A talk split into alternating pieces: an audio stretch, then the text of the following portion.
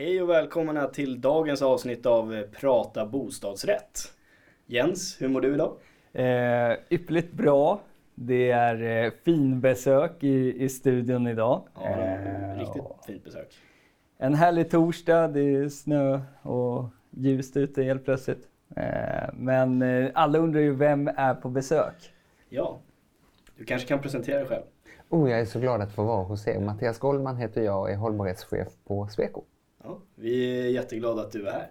Tack. Ja, väldigt glada. Varmt välkommen. Och eh, ja, med det sagt så kanske vi ska hoppa rakt in i dagens ämne som kommer handla om hållbarhet. Ja, absolut. Jag tänkte bara berätta en sak som jag var med om igår. Ja, okay. Jag är fortfarande lite arg över det. Oj, kör. Ja. Alltså jag jobbade ju sent igår. Jag kom hem kanske vid nio tiden. Skittrött var jag. Ja. Men jag tänkte jag måste ju äta någonting. För annars kommer jag vara som ett vrak imorgon bitti när jag vaknar. Så jag beställde mat på Bolt. Bolt Food, de här som cyklar mm. runt. Ja, det var typ en hamburgare jag beställde. Fick en notis på telefonen att min, min mat var levererad. Men jag hade inte fått någon mat. Äh, väntade i några minuter, tänkte såhär, man kanske kommer upp. Men så kom man inte upp. Det var ingen som kom plinga på någonting. Så jag tänkte, vad fan är det här?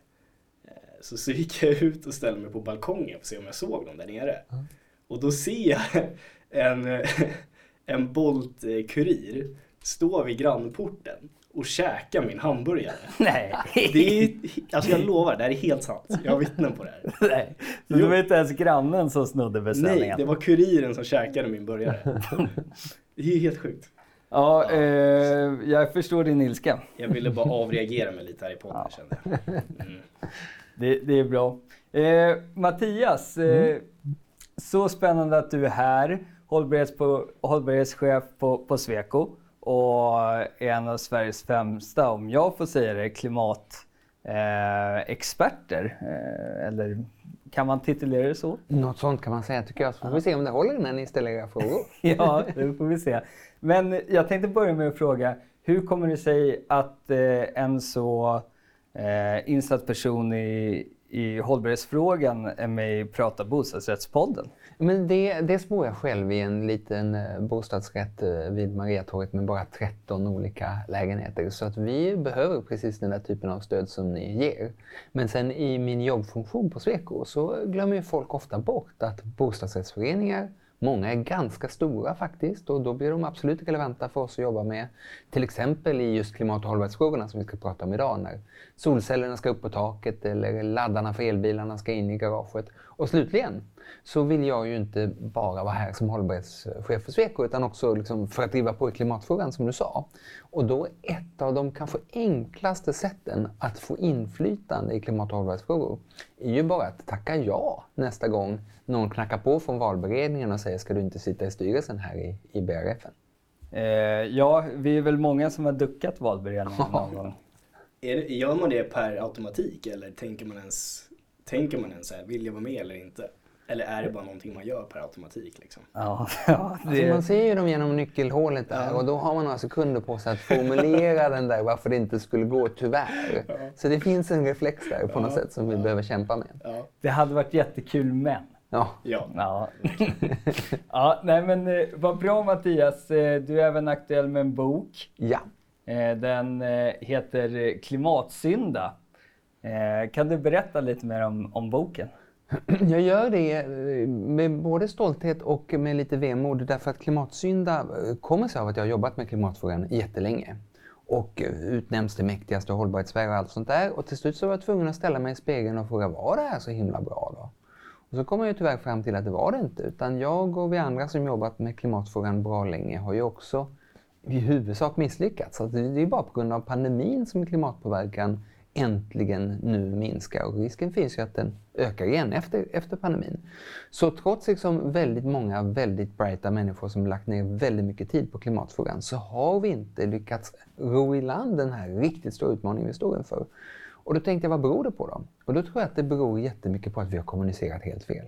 Vi har kommunicerat klimatfrågan som skuld och skam och försakelse. Och vi har sagt att du ska göra det här för isbjörnarnas skull, för de som bor på en sjunkande söderhavsö eller möjligen för framtida generationers skull. Och jag tror mycket mer på att eh, fokusera på att det ska vara lustfyllt, lönsamt och lätt att göra rätt i klimatfrågan. Och, att vi, och tyvärr så märker vi alla nu med ett liksom, förändrat klimat här och nu att det handlar inte om framtida generationer eller andra arter utan det handlar om dig och mig och här och nu. Och om vi bara hade varit bättre på att säga det så hade vi fått med oss fler, är jag helt övertygad om. Och det är inte för sent än. Det är bråttom som tusan i klimatfrågan. Men det är inte för sent och därav att jag vill ändra på ingången och använda de sju dödssynderna i klimatets tjänst. Du, men jag tänkte, du nämnde där på att vi ser någon typ av förändring här i pandemins spår. Har du några konkreta exempel på vart vi ser? Och, och de har jättemycket att göra faktiskt med precis det som ni är experter på och de som lyssnar på podden eh, säkert funderar mycket på. Alltså just hur vi bor, jobbar, rör oss i vårt närområde börjar vi ju se att det ändras. Och en del andra saker som ändras nu kommer att gå tillbaka till det gamla. Nu vågar vi inte åka kollektivt och är till och med tillsagda att inte åka kollektivt. Men när pandemin är över, då gör vi det igen. Men mycket som sker på bostadssidan, det kommer att bestå. Därför nu ser vi att man, vill, eh, man sitter och jobbar hemma. Varför ska man till kontoret fem dagar i veckan? Det kommer vi inte att göra när pandemin är över. Och då vill vi ha ett annat och kanske ett lite större boende. Och när vi nu jobbar mer hemma och beställer, som du redan var inne på, beställer mer på nätet för hemleverans. Då blir det också mindre viktigt att bo supercentralt och det ser vi också redan liksom prisförändringar. Och dessutom på mitt eget kontor, till exempel på Sweco, så, så ser vi att eh, vi behöver förmodligen inte fullt lika stora kontor framgent därför att man kommer inte att vara där fem dagar i veckan. Och det frigör ju eh, ytor som kan vara jättespännande att bo i i framtiden. Så just det som, just bostadsrätt-Sverige är kanske liksom i centrum för det som ändras och blir bestående när pandemin äntligen är över. Ja. Och eh. klimatmässigt är det ju bra. Ja, för, för bostadsrättsföreningen har ju verkligen hamnat mer i centrum här än vad det har varit tidigare. Ja. Och eh, jag tänkte vi kan ju kliva in lite på det kanske och prata lite om vad du har gjort i bostadsrättsföreningar tidigare med eh, miljöinvesteringar och sånt. Åh, oh, vad mysigt ja. att du vill ta upp det. ja, ja. jo, men det, och där, jag, jag, tror att jag gjorde en smart sak där. Därför att det där med att liksom backa och låta andra kliva fram. Ibland är det en dålig reflex vi har. Men ibland när man liksom kan en massa på klimat och hållbarhetsfrågor så är risken att det bara blir den där klimatmänniskan som får göra saker. Men då backade jag lite när det var några i min gamla bostadsrättsförening som hade skaffat elbil och behövde laddning till dem. Och då när, ni vet hur det ser ut, det är ofta eh, något äldre män i föreningens styrelse. När de klev fram och fick lösa laddinfrastrukturen, laddplatser, så satte de upp långt fler laddare än det egentligen behövdes från början. Och när det då stod några lediga laddare så ringde de ett bilpoolsföretag och sa här finns det en garageplats med laddare, är ni intresserade?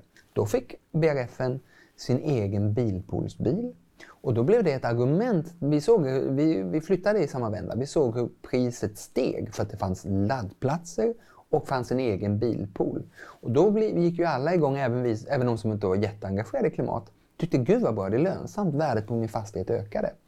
Och eh, de äldre herrarna i föreningen, när de väl hade satt upp laddarna, så tänkte de den här elen, måste vi köpa den? Eller kan vi inte göra mer själva genom att sätta upp solceller på taket? Så satte de upp solceller det räckte inte till hela behovet så då skaffade de också eh, bergvärme passade de på för att täcka värmebehovet. Och det är det som är så himla häftigt att väldigt ofta ser vi nu på klimatfrågorna när det är lustfyllt och lönsamt, då får vi en positiv dominoeffekt. Då gör man en sak och den leder till nästa och till slut så har man blivit en supergrön BRF utan att man egentligen ens från början tänkte så mycket klimat det kanske inte var det som var målet från början. Nej, precis. Och, och, inte ens på slutet, utan man ville vara självförsörjande, minska elkostnaden och höja värdet på fastigheten. Mm. Det kanske är ett perfekt sätt att göra det på, att det bara blir så. Ja. Det här kopplar ju du i boken till eh, just det här exemplet där för mig att jag läste om i din bok. Mm. Eh, och visst var det kopplat då till, till dödssynden lust? Eh, Oh, nu fick du mig på det hala därför att den passar ju på så många. Ja. Alltså det, det, är väldigt viktigt att det blir lustfyllt. Och jag tror att eh, Greta Thunberg till exempel har gjort ett fantastiskt jobb med att få folk eh, medvetna om klimatfrågans allvar. Men jag är osäker på om skuld och skam är så smart att appellera till för de som inte är särskilt engagerade. För oss som är engagerade är det jättebra, men för att få med den där äldre mannen i föreningen, då tror jag det lustfyllda är spännande. Elbilar kolla Tesla, deras modell heter SEXY. De har fattat det lustfyllda. Va? Men jag undrar om inte det här exemplet var mer under girighet snarare. Därför att girighet är någonting vi ofta skäms över. Men det är också en superbra drivkraft. Och just det här med solceller på tak till exempel. När man frågar folk varför satte du upp solceller? så brukar de så småningom erkänna att det, det dels har att göra med att imponera på grannen, alltså dödssynden mm. avund. Ja. Och dels girigheten att man gillar inte det där elbolaget. Nu ska inte jag prata för mycket om det, för jag vet att ni jobbar med några av dem. Men man tycker det är roligare att, att få pengar från elbolaget ja. än att betala till elbolaget. Producera eget liksom. Exakt, ja. och sälja lite överskott. kanske man tycker det är lite sexigt också att göra det. Kanske till och med sexigt. Ja, Sexy är en väldigt svår grej att prata på dem utan Heter att... Teslas bilar SEXY? Mm, alltså är man ja, noga nästan. så E1 heter 3 därför att det fanns en Jaguar E-Type. Så de gör en 3 som ser ut som ett E. Ah, shit, det har inte jag mm. tänkt på. Ja, det, det är rätt det är roligt. Någonting. Ja, det är, det är verkligen ja. någonting. Eh, och det där med girighet och ekonomisk vinning eh, det kan man ju lätt också pitcha in till medlemmarna i föreningen att med solceller så kan vi kanske minska driftkostnader i föreningen och sänka era avgifter. Just det. Eh, det är nog många som, som kan räcka upp handen där på, på stämman och, och klubba igenom ett sådant förslag. Eh, tror jag.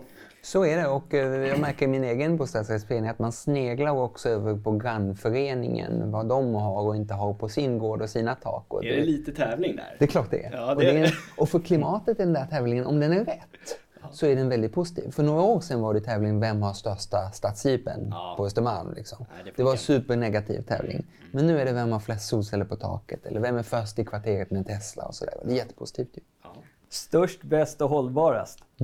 Vilken BRF har vi i landet?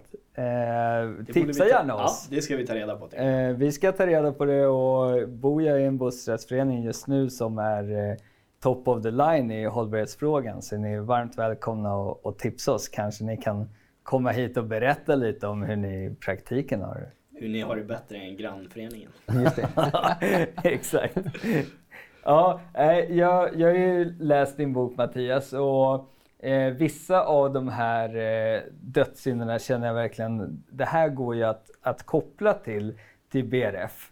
Eh, och Eh, vi har varit inne på några nu och sen så finns det en dödssynd som jag framförallt kanske måste erkänna att jag, jag sysslar med. Det är frosseri. Ah, jag trodde du skulle säga lättjan. Ah, frosseri. frosseri. Det, det har ni gemensamt, med din hamburgare. Ja, det, det går före lättjan nu för tiden. Gemensamma nämnaren. Det, det syns på vågen också. Eh, men, men någonstans handlar ju det om att eh, man gärna frossar i någonting som man tycker är gött. Ja.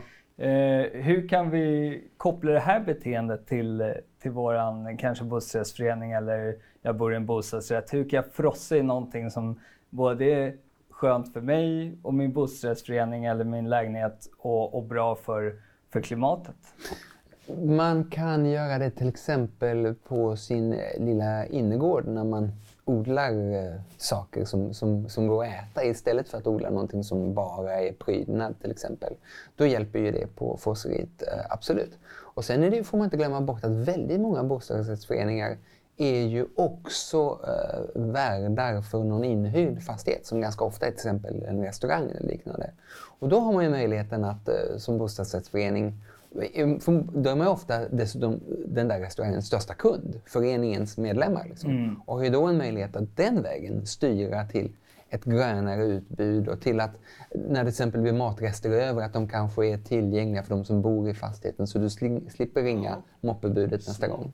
Smart. Det var ett riktigt nice tips. Det var ett bra tips. Ja. För, för det är ju otroligt många bostadsrättsföreningar som har restauranger som, som lokalhyresgäster. Och det de kommer ihåg då är ju den här månatliga hyran. Men det de glömmer bort är att de oftast är just det, som, just det största kunden helt enkelt. Mm. Ja, det är värt att, att pitcha in det tror jag. Och um, vad jag tänkte på eh, för de som inte vill bli av med restaurangen. Det eh, kan ju vara lite matos och sånt där som, som stör grannarna. Ja, och där finns en koppling också faktiskt. Alltså därför att ju klimatsmartare och hälsosammare maten är, desto mindre matdos. Alltså ju mer du hårdgrillar saker, desto sämre för klimatet för du har haft på den där grillen bra länge. Och desto sämre för hälsan ofta. Det är Donald Trump som vill ha sin burgare riktigt jäkla hårt stekt. men, men du pratar ju lite, eller du skrev lite i din bok där om Sveriges eh, övergripliga påverkan på klimatet. Mm. Eh, och du fick ju fram ett tal där på hur stor påverkan Sverige står för. Eller hur liten ja. ja och det, liten, rätt det är rätt spännande när jag är ute och pratar om, om klimatsyndaboken. Så brukar jag fråga folk hur stor del av världens samlade klimatpåverkan de tror att Sverige har. Och nu har några hunnit läsa boken. Så ibland är det någon som svarar rätt direkt och då är övningen förstörd. Ja. Men, men, ofta brukar det börja med att någon säger 5 ja. och så säger jag nej mindre så är de 1 och så nej mindre så är en halv. Och det är 0,15 procent. Det är alltså så lite så att om Sverige nu i smyg nollar sin klimatpåverkan, stänger av varenda motor, stänger av belysningen i varenda BRF, andas in och inte andas ut igen. Då märks inte ens det när man väter klimatkoldioxid i, i atmosfären. Och då kunde man ju tycka, ja men då struntar vi väl i det då.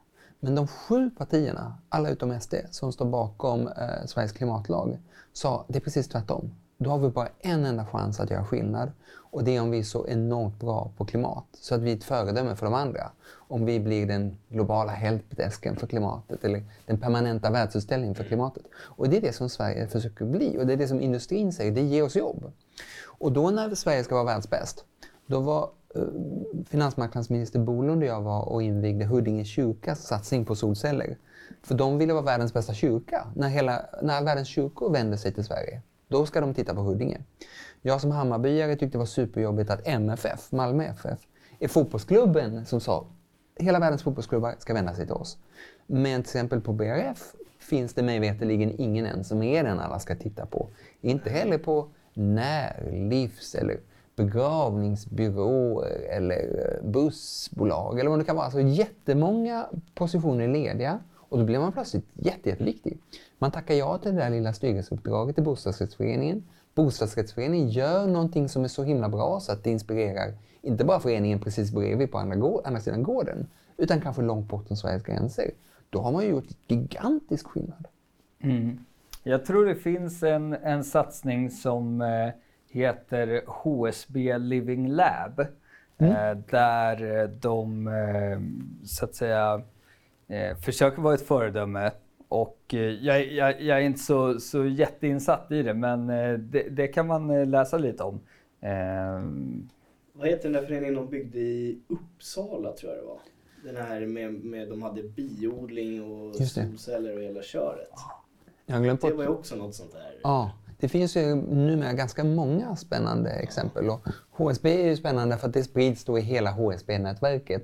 Och ni är spännande därför att ni sprider också till en, det man gör på en förening i någonting en helt annan förening i en helt annan del av landet plötsligt kanske också gör och tar efter och förbättrar. Så är det. Det sprids ju mellan föreningarna. Ja, och kollar man på BRF, vi är ofta inne på det att eh, tillsammans så är BRF en av, en av de största fastighetsbestånden i, i Sverige. Ja, en av Sveriges största fastighetsägare. Ja. Bostadsrättsföreningarna tillsammans. Precis, så, så det. det finns ju otroligt mycket potential i alla våra bostadsrätter och, och bostadsrättsföreningar. Och varenda litet beslut när man funderar på hur ska vi göra nu när vi ska renovera fönsterkarmarna? Eller hur gör vi med lamporna? Eller ska vi tilläggsisolera? Alltså lägger man ihop det du nu sa och så tänka att det är tusentals sådana beslut om året. Om man gör dem systematiskt gröna, då får du jättestor skillnad. Ja, tänk om man skulle ha en, en, en gemensam upphandling för, för alla Sveriges bostadsrättsföreningar. Ja, det hade varit en stökig upphandling. Men åtminstone gemensamma riktlinjer att tänka på vad man ska be om. Många av oss i bostadsföreningar, till exempel min egen, är ju för liten för att ens riktigt göra en upphandling. Men vi är också så små så att vi behöver ju någonstans att vända oss för att få reda på vad, för alla går vi omkring med en klimatoro och en önskan att vara en del av lösningen. Men inte tusan vet min lilla förening vad som är det grönaste fönsterkarmsvalet. Liksom.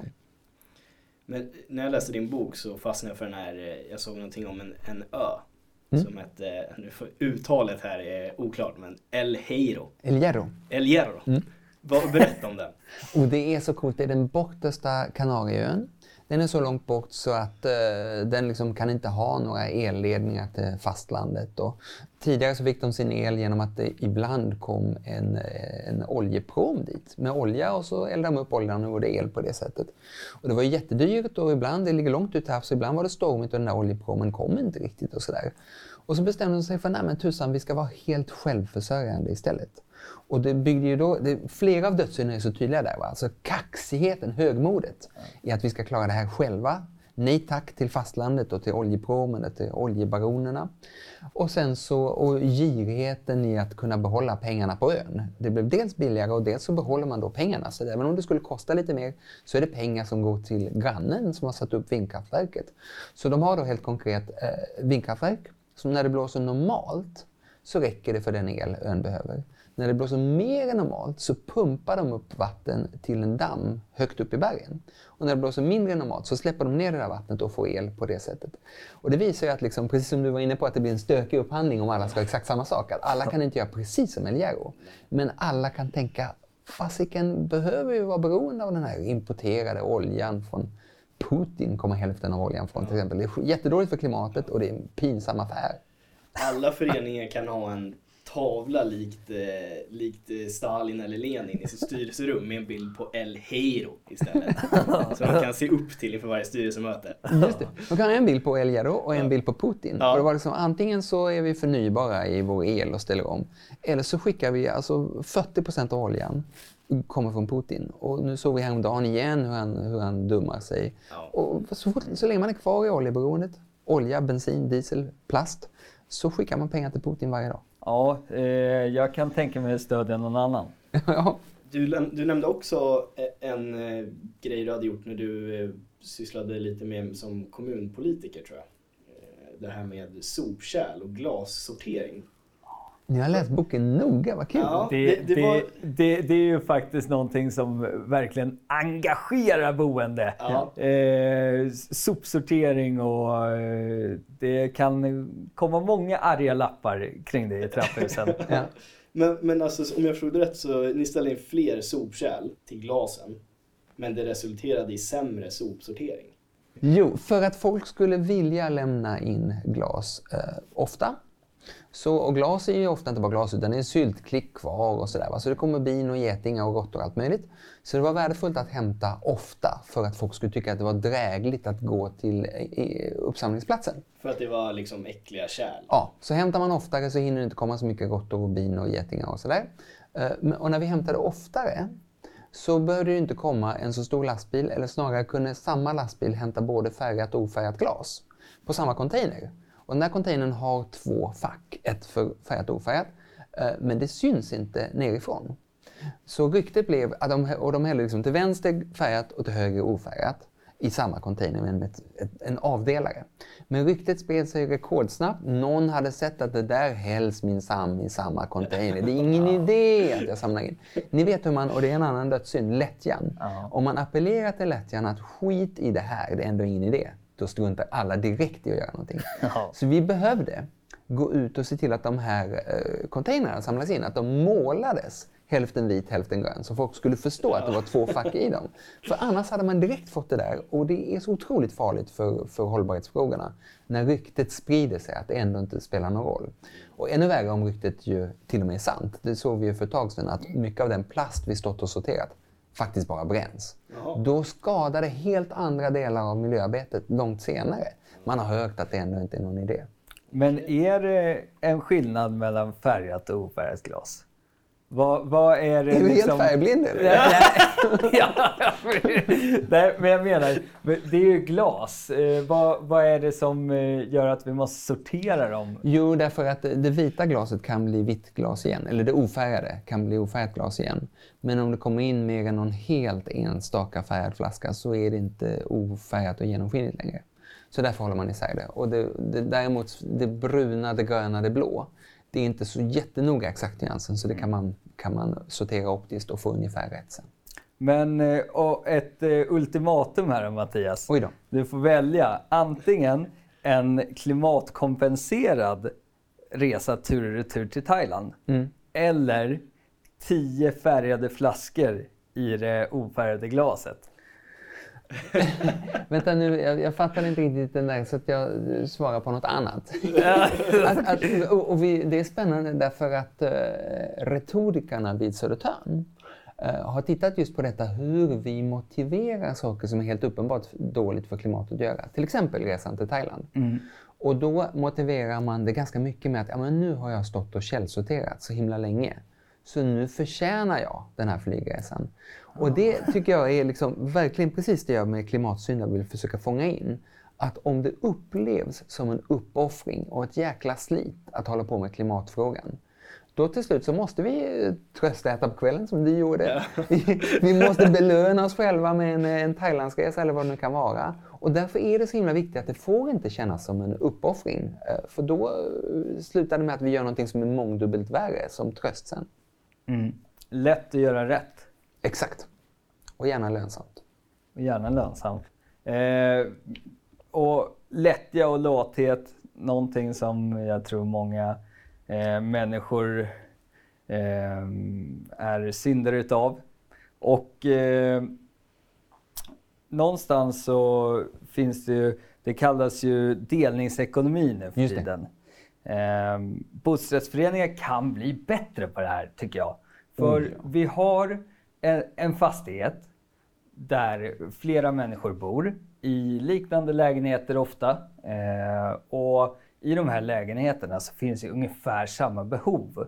Alltså du, du behöver laga ungefär samma saker, eh, du behöver ha ungefär samma saker i ditt hem. Många liksom, jag kanske gillar, eh, inte vet jag, Netflix och det är nog min granne också. Mm. Jag tror det finns otroligt mycket att vinna på att dela på saker i en bostadsrättsförening. Absolut. Dels ekonomiskt, att man ju tjänar på att man inte var och en behöver ha eh, abonnemanget eller alla de här prylarna till exempel. Och sen vinner klimatet också jättemycket. Jag läste någonstans att en genomsnittlig borrmaskin används sju minuter under dess livslängd. Alltså totalt sett. Den ligger bara i en låda. Den ligger bara i en låda och när man väl ska använda den så är det alltid någon del som saknas. Ja, och, och, en bil står oanvänd 96 procent av tiden. Och jag kanske outar mig själv onödigt mycket här, men jag liksom dammsuger på sin höjd en gång i veckan och i övrigt så står dammsugaren där den står bara. Så det är otroligt många saker man kan dela på. Och bostadsrättsföreningar har ju en tradition av att göra ganska bra där. Till exempel alltså, eh, tvättstugan som ju ofta är, liksom, det är stigmatiserat med tvättstugan. Eh, och det är där bråken kanske uppstår, men det är i grunden något fantastiskt fint. Det blir mycket bättre torkade kläder. Det är oftast i källaren så värmen stiger sen och värmer upp lägenheterna. Och man slipper offra ett halvt rum för tvätt och tork i, i varje lägenhet. Så håll fast vid det, kära bostadsrättsföreningar, ni som har tvättstugor och se vad man i övrigt kan dela på. Det är också en grej som ofta funkar ganska dåligt, det här hobbyrummet. Mm. Där det alltid saknas hälften av verktygen. Hobbyrummet någon... känns ju verkligen bortglömt i en ja. förening. Hobbyrummet har en charm. Men sen när man väl står där och det inte finns någonting kvar i hobbyrummet, då är man lite då blir man lite halvlack nästan. Jag ska anmäla mig själv som hobbyrumsansvarig. Ha, det, har vi ett hobbyrum? I... Nej, det har vi inte. Så först skulle vi ha ett hobbyrum och sen kan jag vara hobbyrumsansvarig. Va, va... Men någon måste ta ansvaret helt enkelt. Ja, vad tänker du att det ska finnas i hobbyrummet? Jag tänker att det ska finnas just de där prylarna man använder ganska sällan. Och kanske inte just, jag vet inte hur många som verkligen håller på och snickrar så väldigt mycket. Det kanske inte är det så mycket. Men de här prylarna man behöver, alltså borrmaskinen vi pratade om nyss. Typ gå upp och hämta och låna och lämna ja, tillbaka. Exakt. Ja det är ju en skitbra idé. I, I anslutning till att folk flyttar in och ut. Det är värsta servicen också. Just det. Så att säga, ja, flyttar in här och vill sätta upp dina gardiner så finns det en, en slagborr att låna. Ja. Kanske man lägger på en extra 10 000 på... på I så fall var den väldigt lönsam. ja, men vadå, vad går en borr loss på det? Nej, det men, men, det är alltså. också så att när var och en har, köper en eh, borrmaskin, vad det nu kan vara, och vet att man kommer använda den sällan, så köper man ju förmodligen en ganska billig, ganska dålig, som kanske inte håller så länge och som, där man inte kan lita på att liksom, de är framställda med världens bästa sociala villkor i produktionen kanske. Medan om vi har en gemensam för 10-20 lägenheter, så många kan ju lätt dela på en borrmaskin för den används så pass lite, så kan man göra bra grejer. Så man får ju bättre kvalitet också om man skaffar tillsammans. Ja, det där eh, finns det mycket att jobba på för föreningarna mm. runt om i landet. Och Jens, du kanske ska sätta upp en lapp i hissen eller något. Fråga om det är någon granne som vill dela ditt Netflix-abonnemang. Kolla att det är 50 spänn i månaden. Så, så kommer man se så här senast visat så är det så här riktigt skum serie som pågår. Ja, det hade varit härligt. Nej, men eh, det känns som det finns en hel del handfasta saker som vi kan göra i bostadsrättsföreningen och, och hemma i vår bostadsrätt. Eh, som, som vi bör ta upp här i, i kommande avsnitt. Ja, eh, någonting med... jag hade uppskattat är ju alltså bilpoolen. Mm. Ja. Den är ju en magisk grej. Genialiskt. Och vi märkte det i, när jag bodde i Solna förut, som är en typisk närförort, att eh, väldigt många eh, till vardags behöver inte bilen utan den står still otroligt mycket av tiden. Man tar inte bilen in till Stockholm där man jobbar utan man tar den möjligen till landet någon gång eh, och när man ska storhandla. Och när vi då skaffade en bilpool eh, till föreningen så var det väldigt tydligt hur mäklarna sen berättade att här kan du bo i närförort. För ofta så bor man ju inne i stan och sen skaffar man en unge eller två och då flyttar man till närförort. Det vill säga man hade ingen bil innan. Och man tänker nu kanske jag måste skaffa bil för jag har ungarna och vi bor lite längre från city. Och så kommer man till en förening som har en bilpool i garaget. Det är klart att det minskar ju det totala bilanvändandet så man gör en gigantisk klimattjänst genom att ha det. Och eh, det är också helt underbart att slippa ta ansvar för att besiktiga, skatta, serva, är... försäkra, tanka, tvätta. Ja, det är riktigt stort mervärde för en bostadsrättsinnehavare att ha tillgång till en bilpool. Ja, lättjan i högsätet. Ja, ja verkligen. Eh, nej men, eh, och solceller har vi ju varit inne på en del. Även laddstolpar. Mm. Eh, det här är ju saker och ting som eh, man ofta anlitar då en entreprenör för att, att hjälpa en med eh, installation eller liknande. Och, eh, det finns ju subventioneringar från statligt håll för att göra sånt här. Just nu så är det väl Klimatklivet. Är det fortfarande, eh, är det inte på paus på något sätt? Klimatklivet är inte på paus utan nästa ansökningsomgång eh, börjar om någon vecka och okay. håller på till månadsskiftet januari-februari. Och det finns ju ett särskilt stöd för eh, solceller och eh, laddutrustning om man är eh, BRF. Och om man är sin egen, någon som kanske också lyssnar på er podd, så är det ju numera ett avdrag som, precis som ROT, som man gör i okay. sin, som görs automatiskt för ens deklaration. Finns det något, vad ligger det avdraget på? Går det att säga? Det ligger på 50 procent. Ja. 50 procent, det är ju ganska bra. Det är väldigt, det är väldigt bra. Och, och, jag tog faktiskt upp det här lite ledande, jag ville komma in på det här. ja. eh, för att eh, vi har ju, det är så skrämmande, nu är det ju val 2022 va? Ja. Och man vet ju faktiskt inte vad, vad, vad det är för regering som, som sitter nästa gång. Och man vet inte vad som sker med sådana här initiativ. Så ett tips till alla BRF där ute är att nyttja de subventioner som finns redan nu. Eh, och när det, det, går att nyttja dem. När det går att nyttja dem. Och, det är ett eh, jättebra tips för att redan medan stöden finns så har vi gång på gång, till exempel med solceller på tak, sett att även om stödet fortfarande finns så är kön superlång. Så att, eh, det är ungefär som när man var liten och man borde ha skrivit in sig i liksom, kön på, på Stockholmshem och inte mm. gjorde det. Men skriv in er i kön nu om, för, för solcellsstödet om ni är en BRF till exempel och för stödet för eh, laddutrustning. Det som är häftigt, för du har rätt, det är val den 9 september 2022. Men det som är häftigt är att övergripande behöver man inte vara orolig. Utan när sju partier har samma klimatmål, Sverige klimatneutralt 2045, så betyder det att allt annat i svensk politik eh, har inte jag någon aning om hur det är efter september nästa år.